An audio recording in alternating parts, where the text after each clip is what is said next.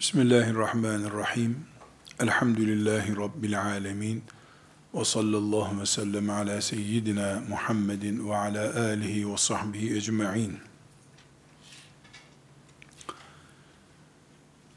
Bugün Müslümanlar olarak Allah'ı, ahireti ve sevabı uman insanlar olarak çözmemiz gereken sorunlarımızdan birisi de Allah'ın Kur'an'ındaki ayetlerini, Peygamber sallallahu aleyhi ve sellemin hadisi şeriflerini, onların murad ettiği şekilde anlamamız meselesidir. Biz bir hadisi şerifi sadece oruç tutmayı emrediyor diye anlıyorsak, bir hadisi şerifi sadece Ebu Cehil'i kınıyor diye anlıyorsak, ve bu anlayışımız o hadisten veya o ayetten farklı anlamlar da çıkarmamızı gerektirdiği halde bunu beceremiyorsak, bu en iyi ifadeyle elimizdeki nimeti değerlendirememektir. Sadece Resulullah sallallahu aleyhi ve sellemin ahlakla ilgili ifadelerini, mübarek sözlerini esas alsak bu konuda, bu bile bizi üzücü bir sonuca götürür. Mesela Peygamber sallallahu aleyhi ve sellem Efendimizin meşhur hadisi şerifi bu küçük yaşlardan itibaren çocuklarımıza da öğretilir. Camilerde dinleriz. Ben ahlakı tamamlamak için gönderildim. Bu bir hadistir. Bu hadisi şerifi bir Müslüman olarak biz Peygamber Efendimiz ahlakı tamamlamak için gönderilmiş bir peygamberdir. Demek ki çok büyük bir peygamber diye anladıysak bu çok kısır ve nimetin kıymetini bilmemek olarak yorumlanacak bir anlayıştır. Neden? Bu hadisi şeriften biz benim peygamberim ahlakı tamamlamak için gönderilmiş. Güzel ahlak için gönderilmiş. O benim peygamberim. Ben ona iman ettim. Onun tamamlamak için gönderildiği şey, bende eksik olduğu sürece, benim ahlak sorunum var demektir. Ahlak sorunum olduğu sürece, Peygamber aleyhisselam efendimizin tamam yapmak istediği şey bende eksiktir. Müslümanlığım, Muhammedun Resulullah değişim tahakkuk etmiyor demektir. Bu hadisten en azından bunu anlamadığımız zaman sonuç olarak bakıyoruz ki yüzlerce hadis, yüzlerce ayet bilip bunu cami kürsülerinde, ders odalarında kullandığımız halde Müslümanlığımızın bereketini hissedemiyoruz. Ebu Leheb'le ilgili sureyi okuyoruz. Tebbet yeda Ebi Leheb. Bunu Ebu Leheb'in lanetlendiği bir mesaj olarak görüyoruz. Bu da doğru. Bu, bu bölümü doğru. Ama Ebu Leheb'in kazandığı şeyler, malı ve menfaati yüzünden o hale geldiğini söylüyor o ayetler. Aynı ayetler. Ma agna anhu malu ve ma keseb. O kazandığı şeyler, menfaatleri, parası yüzünden o hale geldi diyor ayet. Para yüzünden insan Ebu Leheb'leşebilir. Bunu ayetten anlamıyoruz. Ebu Leheb'e lanet ayeti olarak anlıyoruz. Dolayısıyla Ebu Leheb de yanımızda değil. Onu bir protesto edecek görevimiz de yok. Bu ayet ve bu sure bir kenarda duruyor böyle. Halbuki Allahu Teala bir kenarda duracak hiçbir ayet indirmemiştir. Bir kenarda durmak değil, Müslümanların beyninde aktif hale gelmek içindir ayetler. Ebu Leheb ölüp gitti ama Ebu Leheblik ölmedi. Ebu Leheblik hep bir kanser sorunu olarak Müslümanların insanlığın içinde bir sorun olarak var olabilir. Bu örneklerimi, ahlak örneğini ve Ebu Leheb örneğini onlarca örnekle çoğaltabiliriz. Ama netice olarak bir hadisi şerifi, bir ayeti kerimeyi sadece şöyle yüzeysel anladığımız bir anlamda anlayıp daralttığımız zaman anlaşılması gereken belki onlarca başlığı köreltmiş oluyoruz. Bu da Müslümanlığımıza, günlük hayatımıza, hayatımızı İslamileştirmeye ciddi bir şekilde yansıyor. Nerede kaldı ki? Hafız olduğu halde, insanlara vaaz ettiği halde, ünvanı hocalıkla, alimlikle birleştiği halde, yani bir bilgi birikimi olmuş insanların bile, yer yer, sıradan insanlardan görülmeyecek tavırları gösteriyor olmaları, olmamız, daha geniş ve anlamlı bir ifadeyle, dinimizi tam özümseyemediğimizi gösteriyor. Kabaca bir benzetme yapmak istiyorum. Yemeği mesela pırasa yemeğini yiyoruz. Bunu dişimizi iyi kullanmadığımız, e, mesela çiğnemeyi beceremediğimiz veya midemizdeki şu arızıdan dolayı tam hazmetmeden bağırsaklardan dışarı çıkardığımız zaman pırasadan mesela oluşacak menfaat, bedenin alacağı şeyler alınmamıştır. Sadece karnımız şişmiştir. Bağırsaklarımız onu çerçöp haline getirip dışarı atmıştır. Biz bir gün midemizi onunla meşgul ettik. Bir tabak pırasa ile meşgul ettik. Ama o pırasa sebze şu şu özellikleri, şu vitamini katacaktı, katmadı. Niye katmadı? Ya dişlerinle iyi çiğnemedin, ya miden öğütmedi, bağırsakların emmedi. Sebebini yani tıp tespit edecek ama neticede pırasa yedik, pırasadan alınacak filan vitamini alamadık. Dışkı olarak çıktı gitti. La teşbih ve la temsil. Müslümanın e, dinine ait mukaddesatı, ayetleri, hadisleri yüzeysel anladığı zaman ondan alınacak 3-5 ders gerektiği halde o bir ders almış veya almamış ise gününü onunla doldurmuş o bilgiler ondan sonra beyindeki depolama bölümüne gitmiş veya unutulmuştur. Bu buna benziyor. Bu sebeple hadisi şerifleri dinlerken anlamamız gerekenlerin neler olduğuna yorulmamız lazım. Elbette bu sıradan namazını camide kılıp gelen, işine giden e, Müslümandan önce bu hadis okuyan, hadis, hadis öğreten, hadis ezberleyen, insanlara tebliğ yapan hoca efendilerin, yazanların görevidir bu.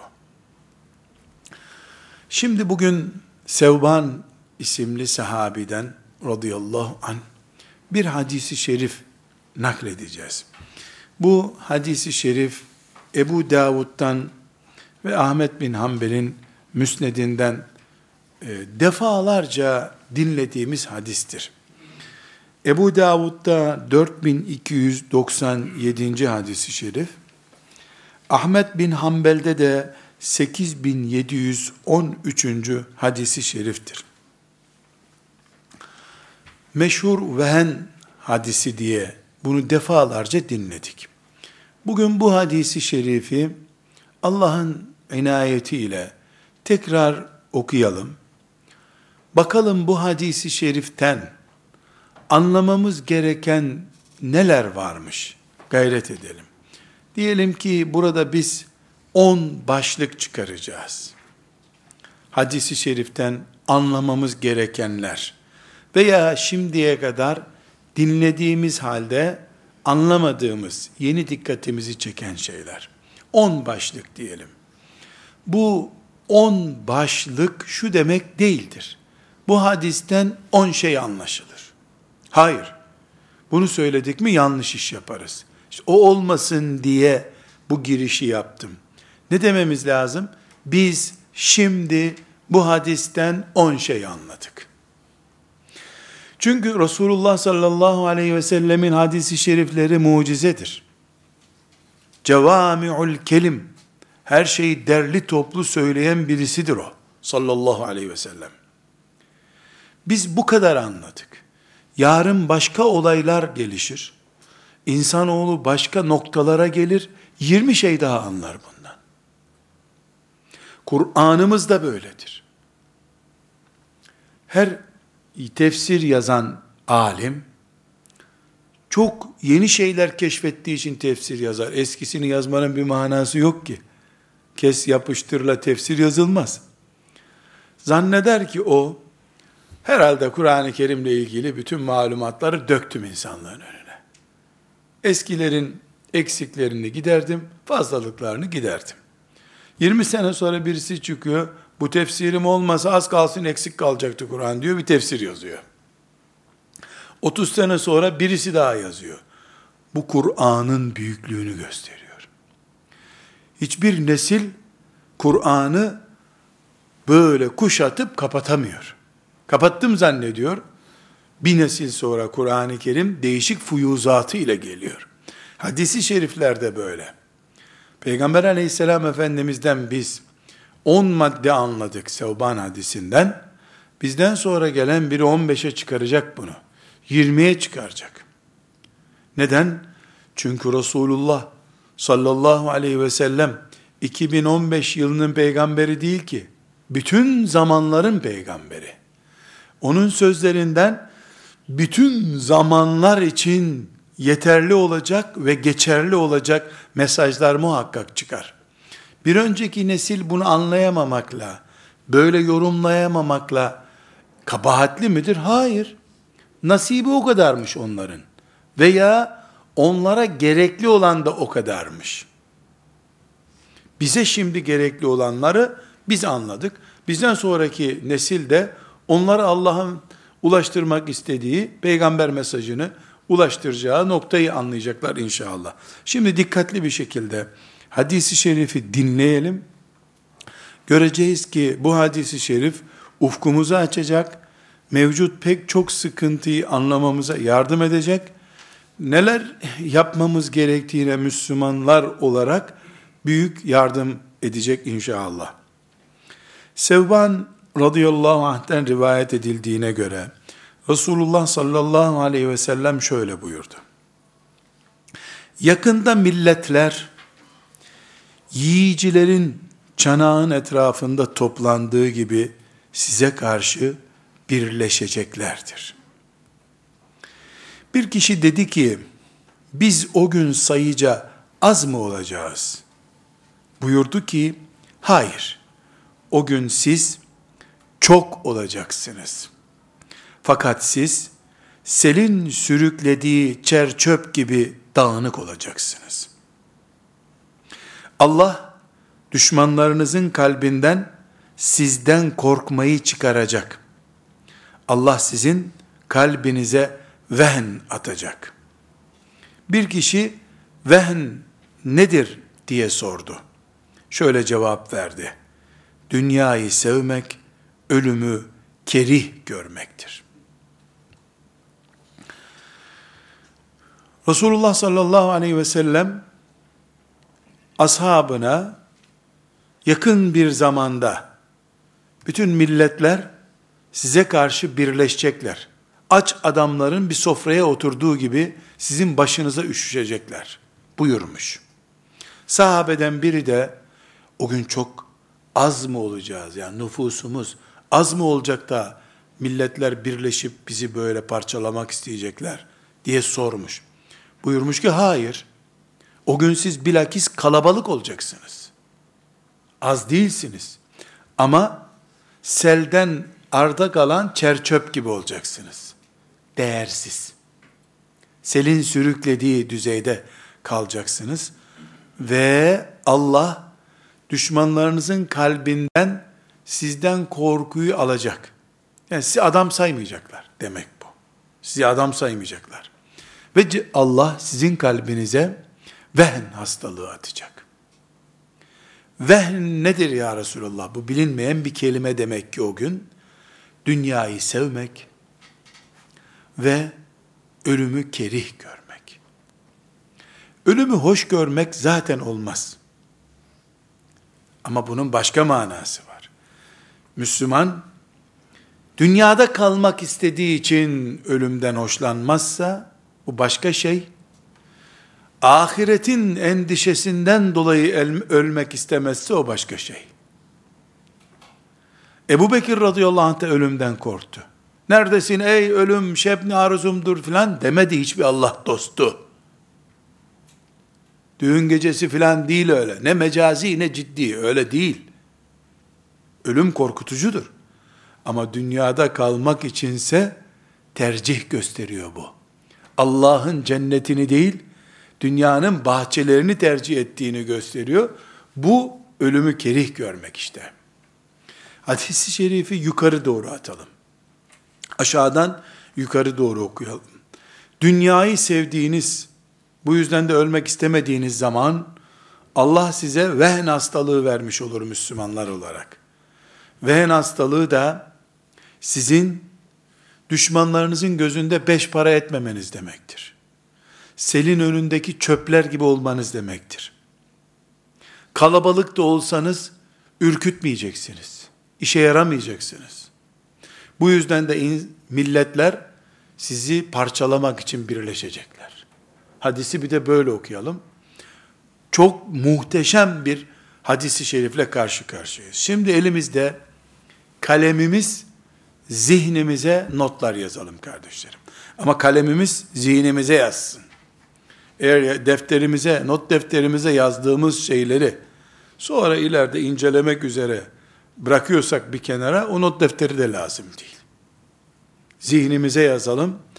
Resulullah sallallahu aleyhi ve sellem Efendimizin bir hadisi şerifinden onu, mucizelerini, ümmetimizi müstakbel geleceğimizi anlamaya çalışalım.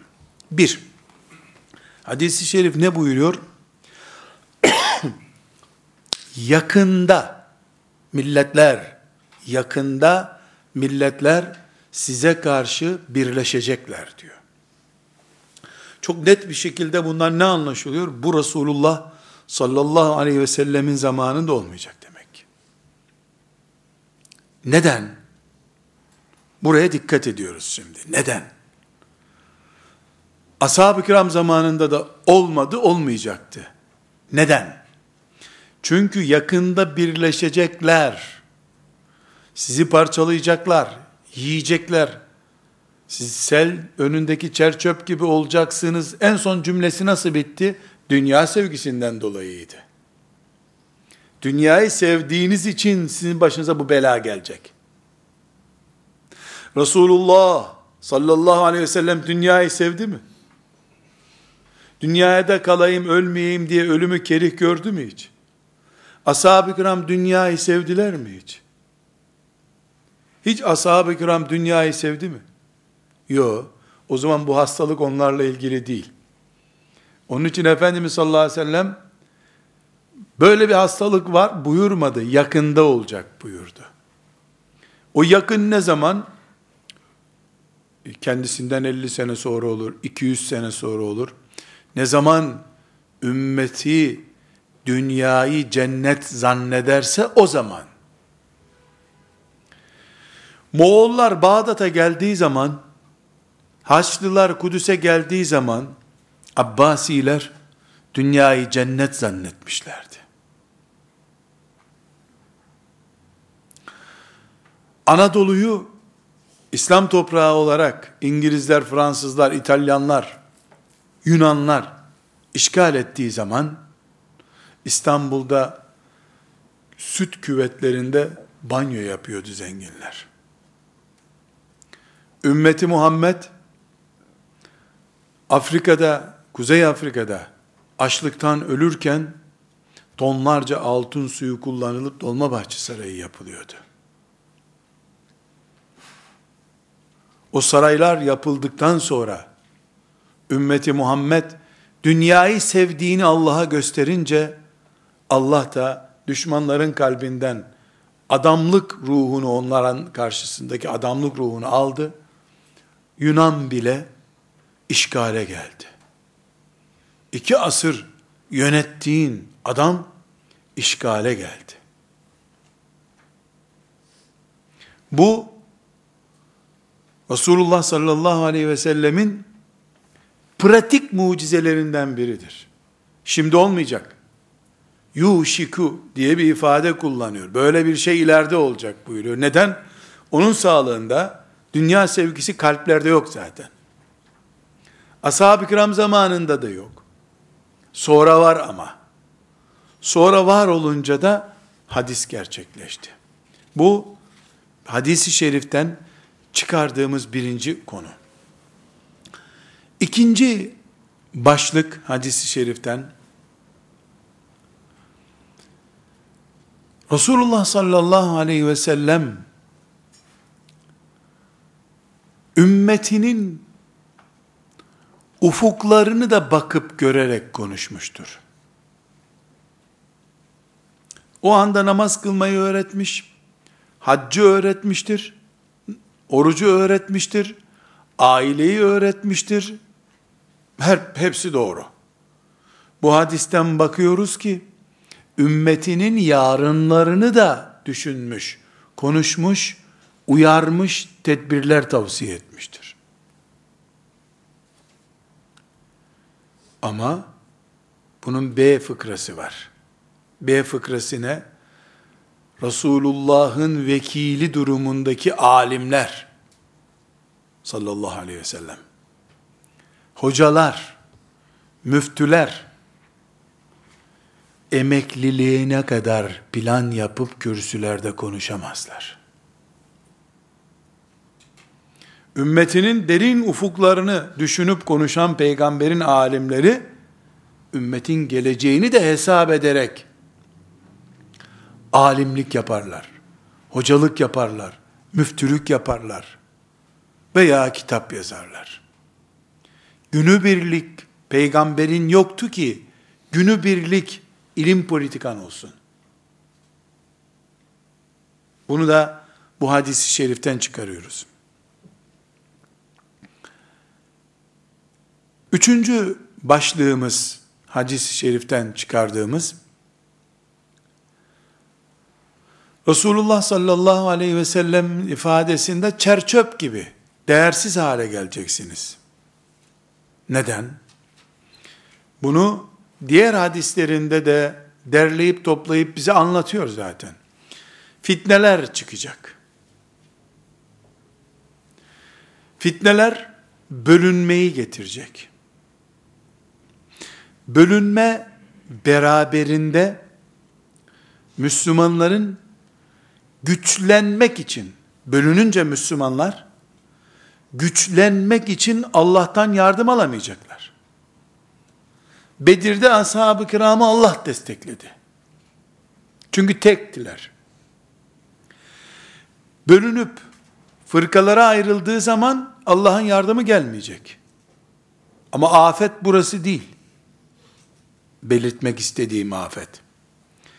Allah'tan yardım alıp büyüyemeyince Müslümanlar, kafirlerin kullandığı dünyevi metotlara dayanacaklar bu sefer. Dünyadan bulacaklar, bulmaya çalışacaklar Allah'tan bulamadıklarını. Ümmet olsalar Allah yardım indirecek, onlar uyurken belki Allah onları zafer erdirecek. Ümmetlik karakteri kaybolup vakıflara, cemaatlere, gruplara, şuna buna bölündükleri zaman ise Allah'ın kanununda cemaat olana, ümmet olana yardım etmek var. yedullahi ma'al cema'a, o karakteri kaybedenler, eriyip gitmemek için destek olarak başka bir şeye dayanacaklar. O başka bir şey dünya ve dünyalıklar olacak. Belki de demokrasiye güvenecekler. Allah'ın yardımı yerine basın gücüne güvenecek. Evet belki o dünyevi dediğimiz şeyler de kullanılması gereken şeyler ama Allah'la beraber olduktan sonra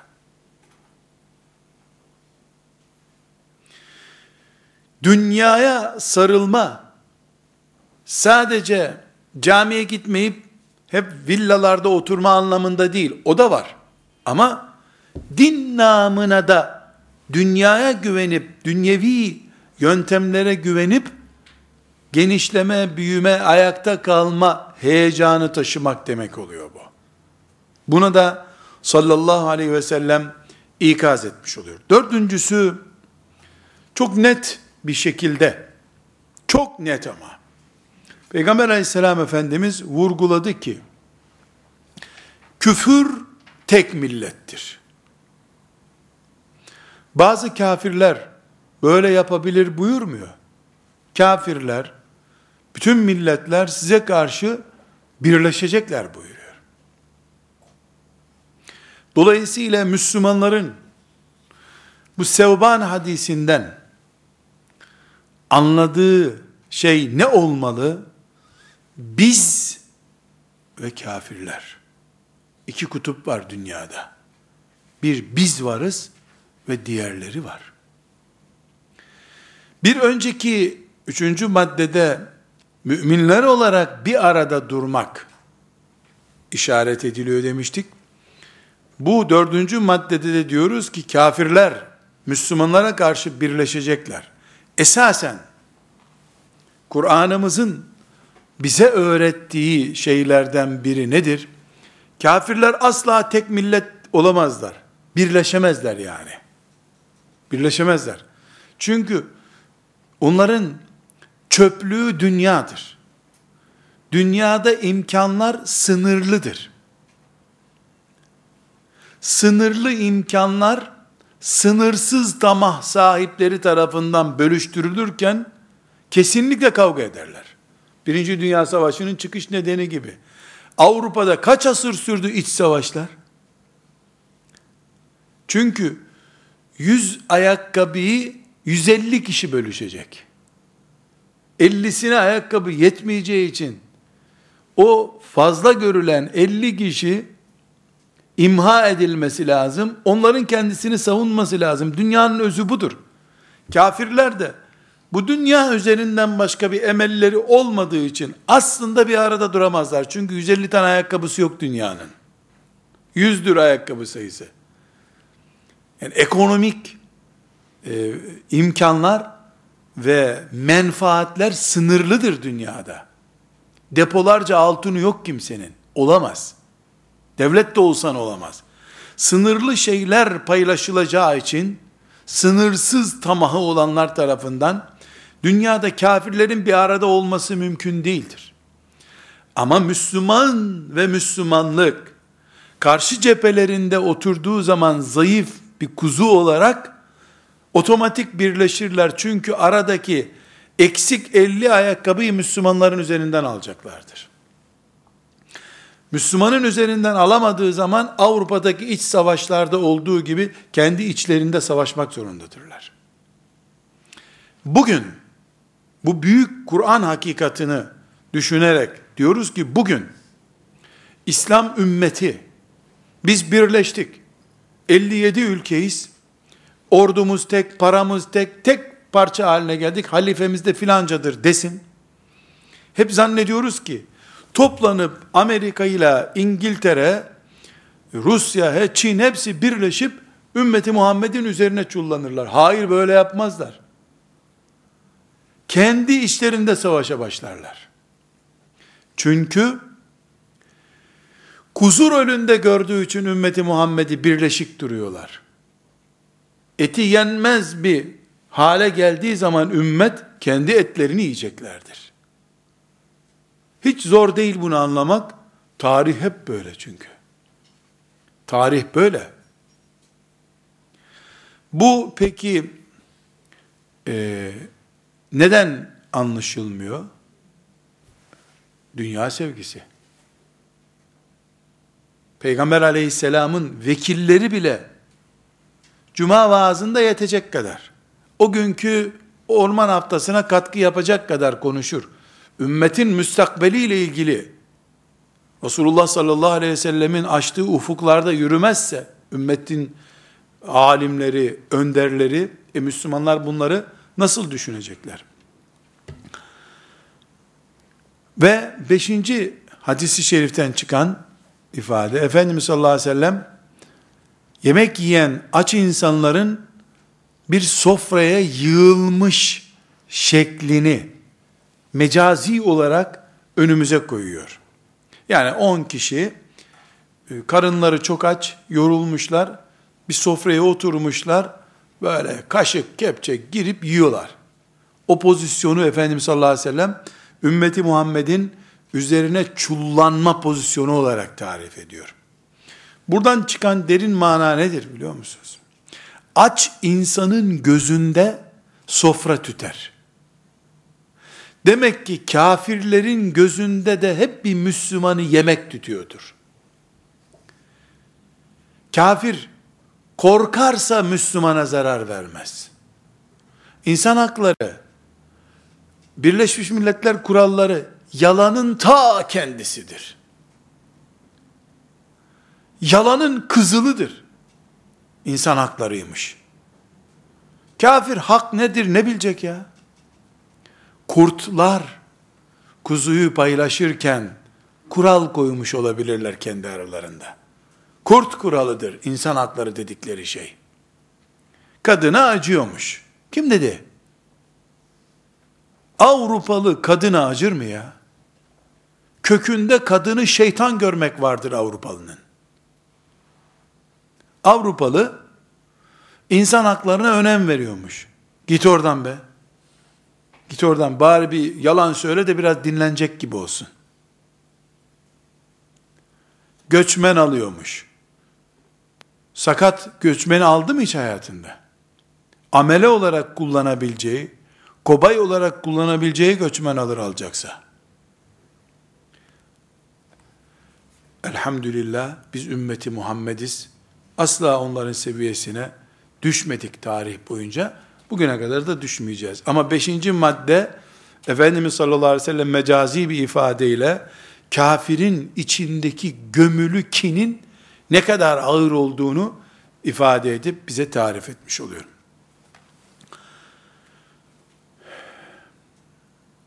Burada Resulullah sallallahu aleyhi ve sellem Efendimizin hadis-i şerifinin nedenli büyük bir mucize olduğunu ciddi bir şekilde anlamış olduk. Şu hadisi şerif sadece Sevban hadisi. Peygamber aleyhisselam efendimizin mucize konuştuğunun belgesi olarak yeter. Neden? Bu sözü Efendimiz sallallahu aleyhi ve sellem devlet başkanı olduğu, Medine'de yüzde yüz sözünün geçtiği gün söyledi. Halbuki bizim bildiğimiz bütün dünyanın devlet adamları, iktidar koltuğuna oturduklarında, bol keseden vaatte bulunurlar. İnsanlar açtan ölüyordur, müthiş bir gelecek, devletimiz dünyanın en büyük devleti olacak derler. Geleceği iyi şeylerle parlatır siyasetçiler. Tarih boyunca da böyle, şimdi de böyle görüyoruz zaten. Peygamber Efendimiz sallallahu aleyhi ve sellem, bütün dünyaya meydan okuduğu, Medine'de büyük bir devlet ve medeniyet kurduğu gün bu sözü söyledi. Bakın ne güzel günler yaşıyoruz. Siz namaz kılın allah Teala da hep size yardım edecek demedi. Dünya sevgisi içinize sızacak ve böyle felaketler olacak buyurdu. Bu bugün karşımıza çıktı mı? Çıktı. Hiç başka hadis-i şerife gerek yok. Resulullah mucize konuşuyor. Sallallahu aleyhi ve sellem. Ve gerçekleri konuşuyor. Bu da altıncı madde. Yedinci madde çok önemli. Ashab-ı kiram bu cümleyi Peygamber aleyhisselam efendimizden dinlediler. Ama bir saniye geçmeden gerekçe sordular. Ne Peygamberimiz sallallahu aleyhi ve sellem inanmıyor musunuz siz benim dediğime canım? Deyiverdi. Ne de onlar ayıp olur sormayalım dediler. Çünkü esneyerek dinlemiyorlardı. Öğrenmek ve amel etmek için dinliyorlardı. Bu sefer Resulullah sallallahu aleyhi ve sellem de onların sorma gayesini bildiği için aydınlattı. Allah onlardan razı olsun. Peygamberimize milyarlarca kere salat ve selam olsun. Bugün gerçekleri gördük biz. Halbuki o sorular sorulmasa, o cümle o kadar kalsaydı, biz bu ayrıntıları anlamayacaktık belki de. Sekizinci noktamız, çok önemli bir nokta arkadaşlar. Bunun için ayrı bir başlık açalım. Sahabi ne soruyor? O gün biz sayıca az mı olacağız ya Resulallah? Ne buyuruyor? Hayır. O gün siz çok olacaksınız. Çok olacaksınız. Ama çer çöp gibi olacaksınız. Buradan bir kanun çıkıyor. Hem Kur'an'ımızın teyit ettiği yani böyledir dediği kanun hem de bu hadisi şerifin teyit ettiği bir kanun.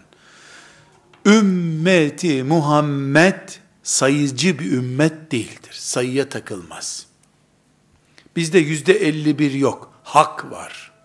Allah var. Şeriat vardır. Hadisin asıl vurguladığı budur zaten. Çünkü Müslümanların dedik ki Allah'tan bulamayacakları yardımı dünyevi araç ve gereçlerden bulmaya çalışacaklar. Diyoruz ya bu dünyevileşme maddesinden dolayı hubbu dünya ve kerahiyetül mevt maddesinden dolayı dünyevileşmenin en önemli işaretlerinden birisi biz 51 kişiyiz siz 49 kişisiniz. Dolayısıyla başkan bizden mantığıdır. Yani demokrasidir. Cumhuriyettir. Çoğulculuktur. Dine uyarlandığında, Allah'ın yardımına uyarlandığında, bu çoğulculuk anlayışı hiçtir.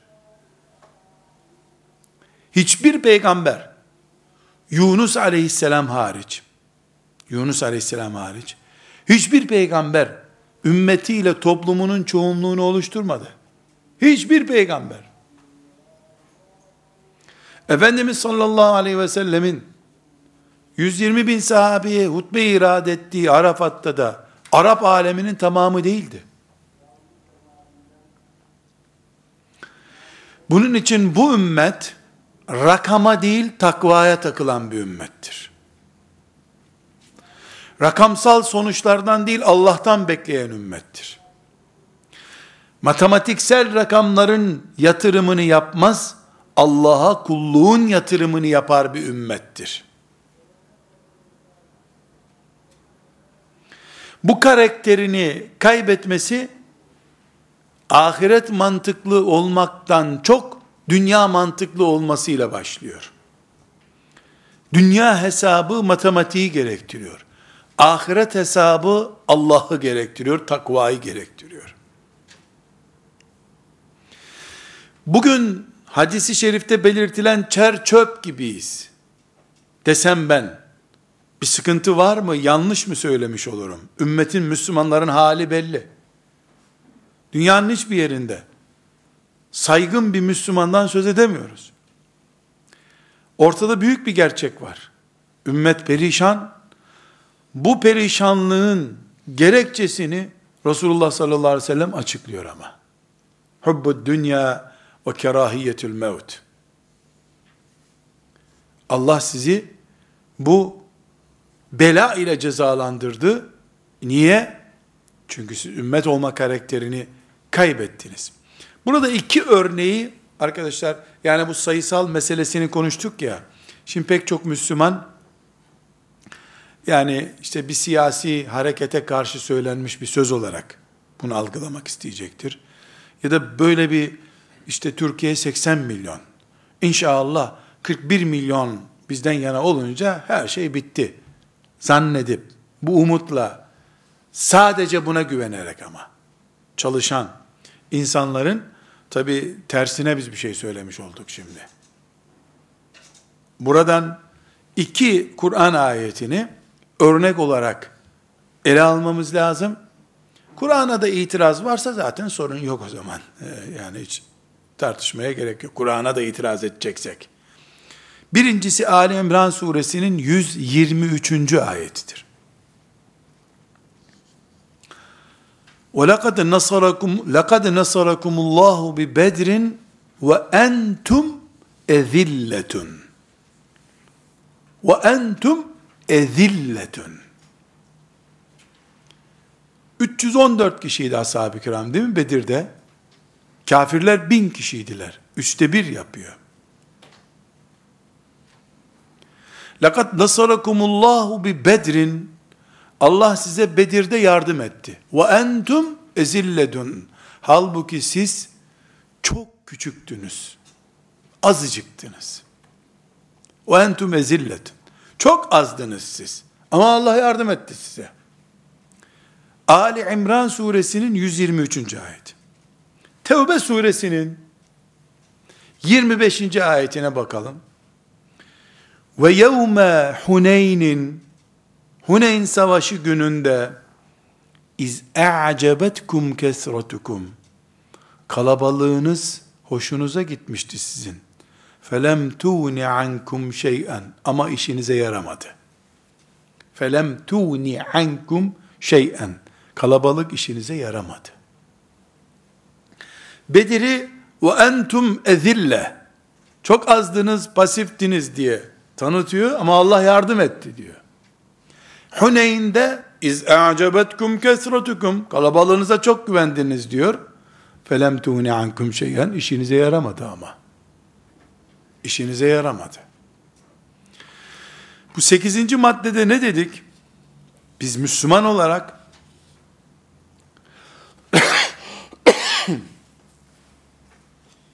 sayıcı bir ümmet değiliz.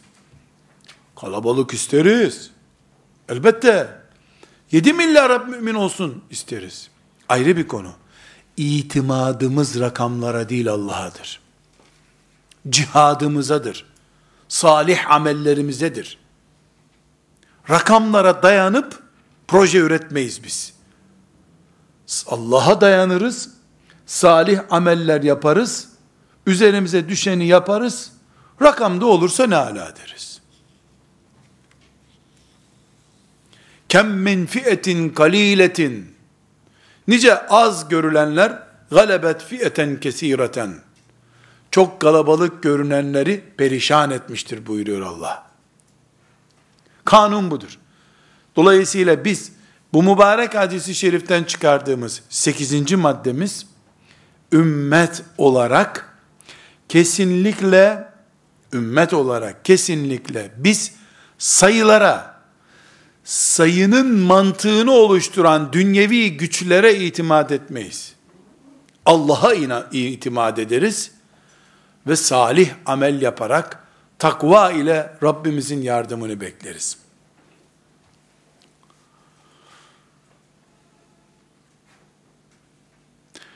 Ve dokuzuncu madde, bu da enteresan bir mucize kardeşler.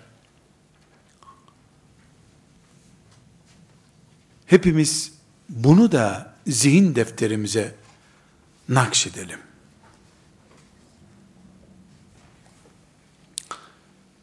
Resulullah sallallahu aleyhi ve sellem biz az mıyız ya Resulallah diye sorulduğunda hayır diye bir cümle kullandı. Çoksunuz o gün.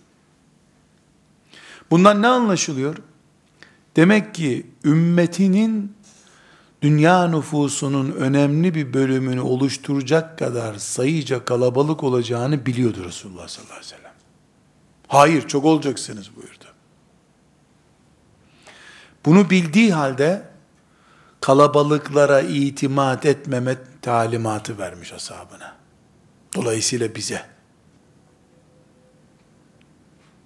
Çünkü Kur'an İbrahim Aleyhisselam'ı överken tek başına bir ümmetti diyor. Asiye'yi karşımıza çıkarırken dünyada bir taneydi diyor. Darül Erkam'da yüz kişi olmadı ashab-ı kiram. Ama dünyaya meydan okudular. Dokuzuncu maddede de bunu anlıyoruz. Onuncu maddedeki ke gusâ'is seyl Arapçası hadis-i şerifteki, Türkçesi selin sürüklediği çerçöp demek. Bu ifade de çok enteresan bir şey anlatıyor. Yine kalabalıkla ilgili bir şey bu. Yani kalabalıksınız. Tamam. Ama çerçöp gibisiniz. Reddetmiyor Efendimiz sallallahu aleyhi ve sellem. Mesela şöyle buyurmuyor. O gün bir milyarsınız ama benim gözümde 20 kişi. Gerisi boş. Buyurmuyor. Evet kalabalıksınız. Hepsi benim ümmetim. Ama çerçöp gibi. Neden? Çünkü Resulullah sallallahu aleyhi ve sellem nüfus kağıdında Müslüman yazan, ben Müslümanım diyen, filan kutlu doğum haftasına giden, filan mevlüt kandilinde gidip simit yiyen, onları aramıyor ki. Ben ve ashabımın yolundan gidenler diye bir standart koymuş. Şimdi buna ehli sünnet deniyor. Çok yanlış bir şey bu. Ehli sünnet mezhep ismi olamaz. İslam'ın adıdır ehli sünnet. Resulullah'ın mirasını aleyhissalatü vesselam sünnet diyoruz. Ehli sünnet, ehli İslam demektir. Ortada 5-6 tane mezhep var. Bunlardan bir tanesi ehli sünnet. Batıl bir tarif bu. Bunu kabul edemeyiz biz. Resulullah sallallahu aleyhi ve sellemin sünneti o demek. Peygamber demek.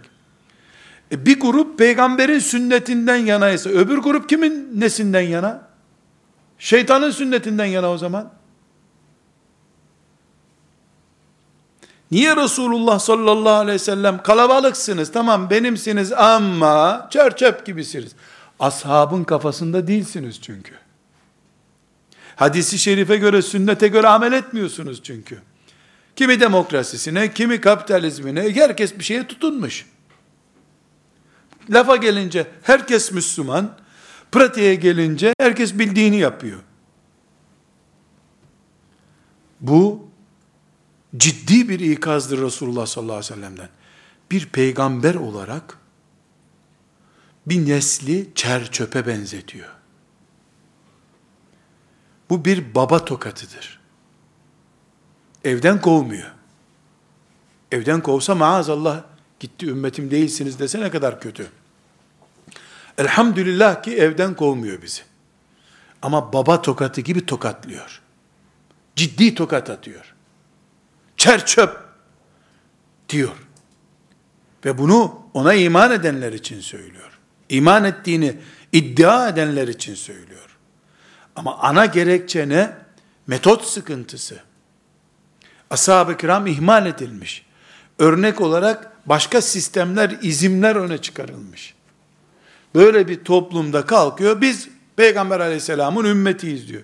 Ümmetisin ama o seni çerçöp görüyor. Dolayısıyla bu hadisi şerifteki çerçöp ifadesi, kulağımızın üstünde patlayan bir baba tokatı gibi olmalı.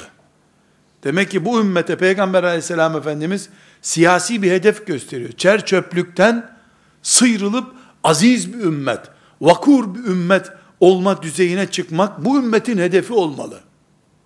Sadece çocuklarımıza ilmihal öğretmemiz yetmiyor. Ümmetin izzetini de öğretmek lazım.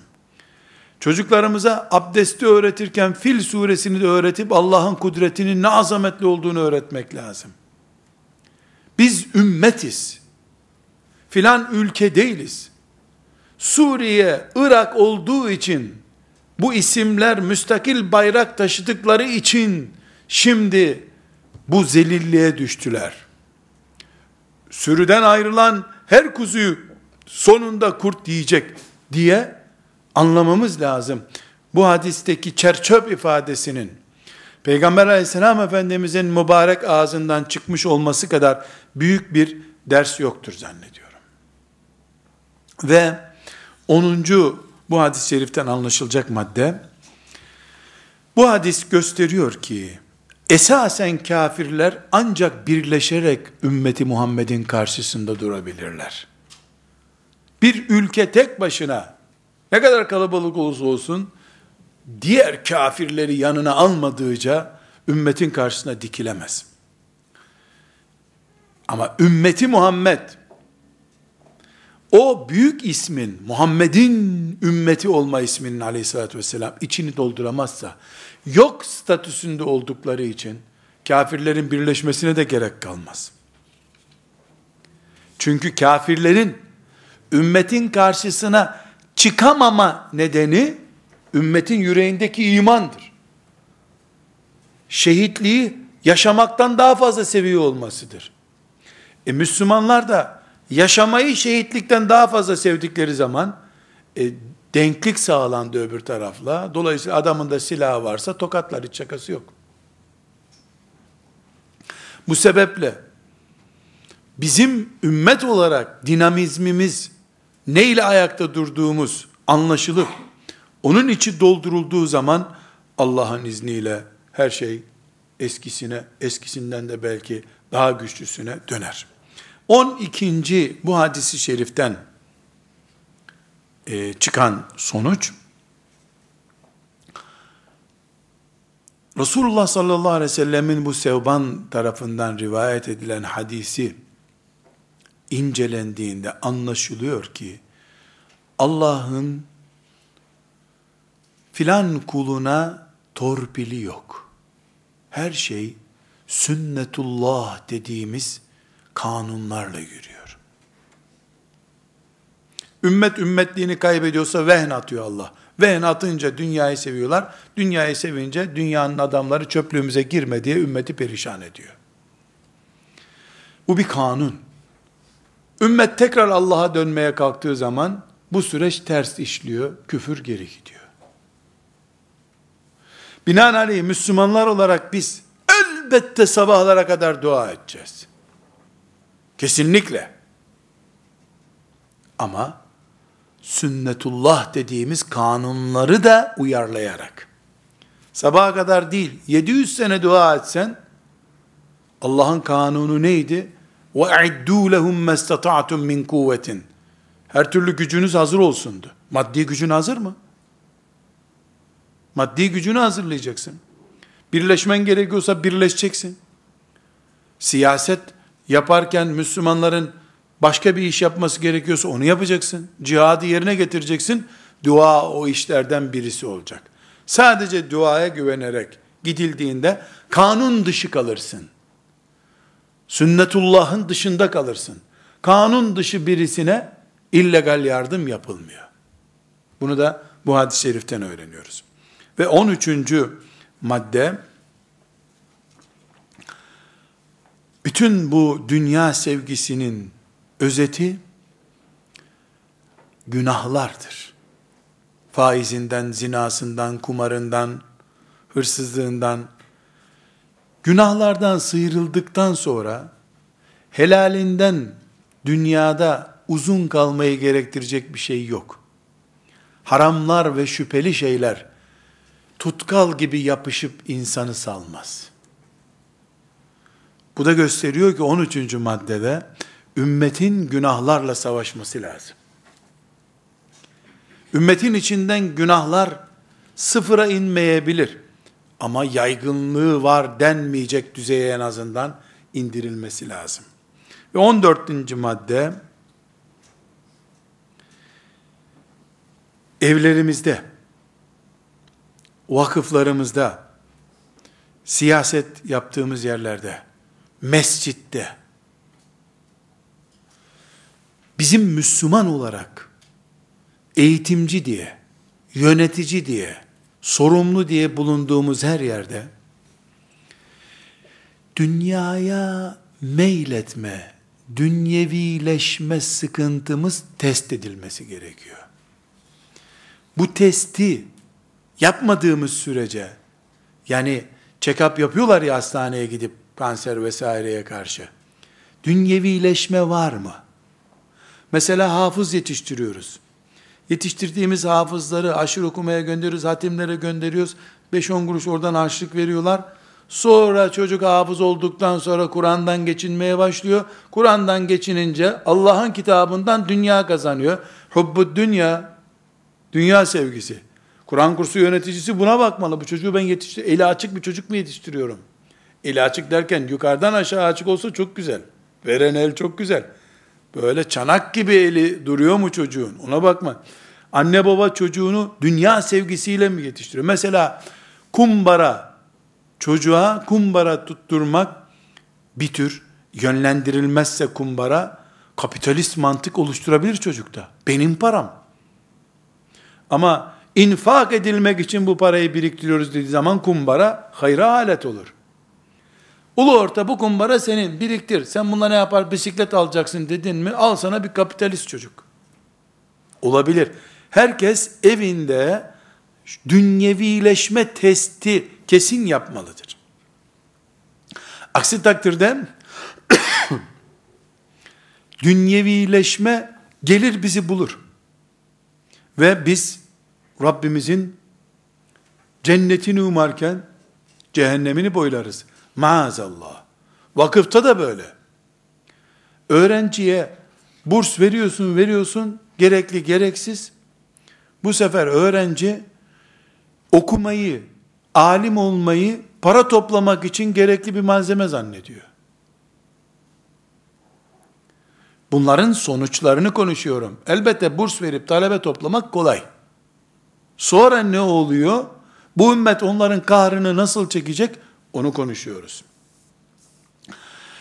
Ve hadisi şeriften anladığımız 15. son madde. Hadis vehen diye bir hastalıktan bahsediyor. Vehen nedir? Bu sorulunca da dünya sevgisi ve ölümden nefret diyor. Bunlar birbirini doğuran iki isim. Ölümden nefret ettiğin için dünyayı seviyorsun, dünyayı sevdiğin için ölümden nefret ediyorsun. Hangisi olduğu önemli değil ama biz bu dünya sevgisinin nasıl oluştuğunu şöyle formülize edeyim. İnşallah kalıcı bir iz e, yapmış olur. Tedavi yöntemi tavsiye etmek bakımından. Birinci problem kulun Allah bana yeter düşüncesi yerine bu toplumda bir yer edineyim. Bu yer edinme yani bir dairem olsun, bu, ben buralı olduğum belli olsun. Bir. İki, yani bir diplomam olmazsa beni adam yerine koyan olmuyor. Üç, bir görevim olması lazım. Dört, e, bayramlara, törenlere gittiğimde hoş geldin denecek bir kılığım olsun. Bunların hepsi nedir? Toplumda yer edinme hamlesidir. Toplum ise dünyevi bir toplum. Sahabe toplumu değil, tekke değil, ilim medresesi değil. Birinci nokta bu. İkinci nokta, toplum bu sefer ne yapıyor? Sen o toplumda yer edinmek istiyorsan diploma al gel diyor. İş yeri kur diyor. E ben kuramıyorum kredi al diyor. Toplum sen ona gitmek isteyince rengini sana veriyor bu sefer. O toplumun renginden oluyorsun sen. Bunun için koca koca laf eden pek çok insan, pek çok Müslüman, bir makama gelince onu bir daha tanıyamıyorsun. Aa bu bizim tanıdığımız abi değil mi? O abi ama toplum ona kendi rengini kazandırmış. Çünkü o topluma doğru yürüdü. Allah'ın ona yaptığı bir şey yok. O istedi, toplumun içinde prestijli bir yer sahibi olmayı, bunun için sakalını kesmesi gerekti, sakalını kesti. Hanımının kıyafetini şöyle bir modernize etmesi gerekti, modernize etti. Etti etti, toplum ona kendi rengini verdi bu sefer. Tanıyamadık o adamı. Bu sefer toplum kendi rengini verince, toplumda dünya toplumu olunca, dünyevi bir toplum olunca, o toplumun tek ilahı paradır. Para söz konusu olunca üçüncü nokta, para yollarını zorlamaya başlıyor Müslüman. Helalinden kazandığı asgari ücreti o toplumda prestij sahibi olmaya yetmiyor. Hala 20 senelik koltuklar var evinde. Yenilenmesi lazım. Çünkü komşular siz bunlardan bıkmadınız mı diyorlar ikide bir ziyarete geldiklerinde mesela. Öbürünün ayakkabısı şu, çocuklarına şu ayakkabıyı aldılar, biz çocuğumuza yazık ediyoruz. Oluyor hep. Bunlar toplanıyor, Müslümanı haram sevkiyatına, haram kazanmaya, önce şüpheli şeylerle. Şu bankanınki biraz caiz herhalde, bu bankanınki az caiz. Sonra faize götürüyor. Sonra hırsızlığa götürüyor. Sonra ticarette hileye götürüyor. Kursağı geniş bir Müslüman oluşuyor bu sefer. Önce bir lokma geçiyordu kursağından, asgari ücret lokması. Sonra ekmeği somun gibi atıyor aşağıya. Kursak büyüyor. Filtre genişliyor yani. Dördüncü nokta olarak da haram midelere girince mal olarak takva geri gidiyor. Takva geri gidiyor. Takva geri gidince abisiyle de kavga edebiliyor. Dayısıyla mahkemelik oluyor mal yüzünden, şöhret yüzünden, siyasi menfaat yüzünden. Akrabalarıyla arası açılıyor. Ve bir sonraki nokta, beşinci nokta, bu kadar büyük filtreyle, elekle tüketen adam, gelecek endişesine kapılıyor. Çünkü günde bir ekmek yetiyordu ona, bir ekmek de asgari ücretle alınıyordu. Beş ekmek yiyor şimdi. Beş ekmek için daha büyük bütçe lazım. Daha büyük bütçe için daha çok çalışmak lazım. Daha çok çalışmaya yaşı yetmiyor, 50'yi geçmiş tansiyon sorunları başlamış. Endişe başlıyor bu sefer. Bütün bunları Allah yetiyordu. O namaz kıldığı, oruç tuttuğu, itikafa girdiği zamanlarda Allah yetiyordu buna. Bütün geleceğini Allah garanti altına aldığını biliyordu. Bu sefer bir gelecek endişesi başlıyor. Bu gelecek endişesini gidermek için bir yandan haramlar, şüpheli şeylere ruhsatlar sürekli açılıyor. Diğer yandan da mubahlar hala büyümeye devam ediyor.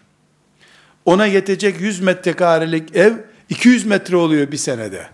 O 200 metrelik evi satıyor, balkonunun önünde ağaç var, caddeyi göremiyor diye 210 metreliğini alıyor. Villa alıyor. Hep devam ediyor. Bu arada da beraberinde bütün bunlar altıncı bir madde olarak israfı getiriyor. Onun ömrü israf oluyor. Akidesi, zühdü, takvası israf oluyor. Malı israf oluyor. Ailesi israf oluyor. Ümmetin enerjisi israf oluyor.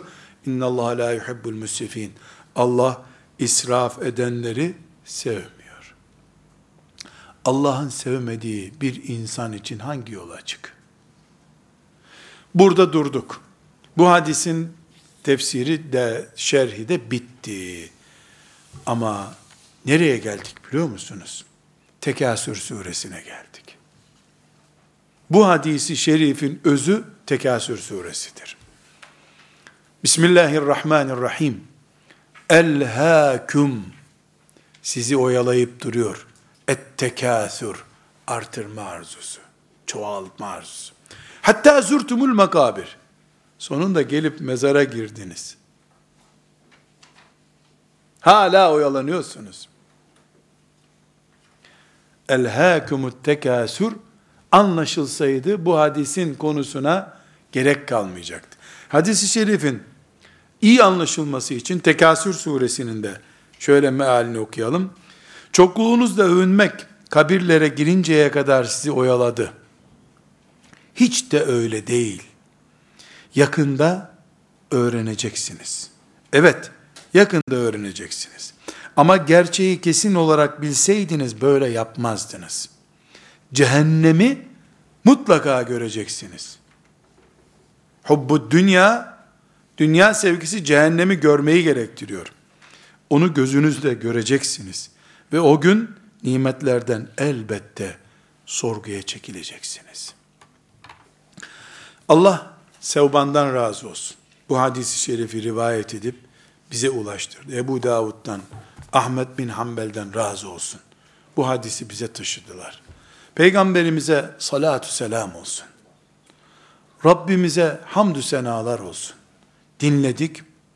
Bir de Rabbimiz lütfetse amel etmeyi, fertler olarak, şahıslar olarak ve neticede de ümmet olarak tersten yukarı doğru gidip bu sefer kurtuluşumuzu aziz olduğumuz günü görmeyi de Rabbim hepimize müyesser etsin. Ve sallallahu ve sellem ala seyyidina Muhammed ve ala alihi ve sahbihi ecma'in velhamdülillahi rabbil alemin.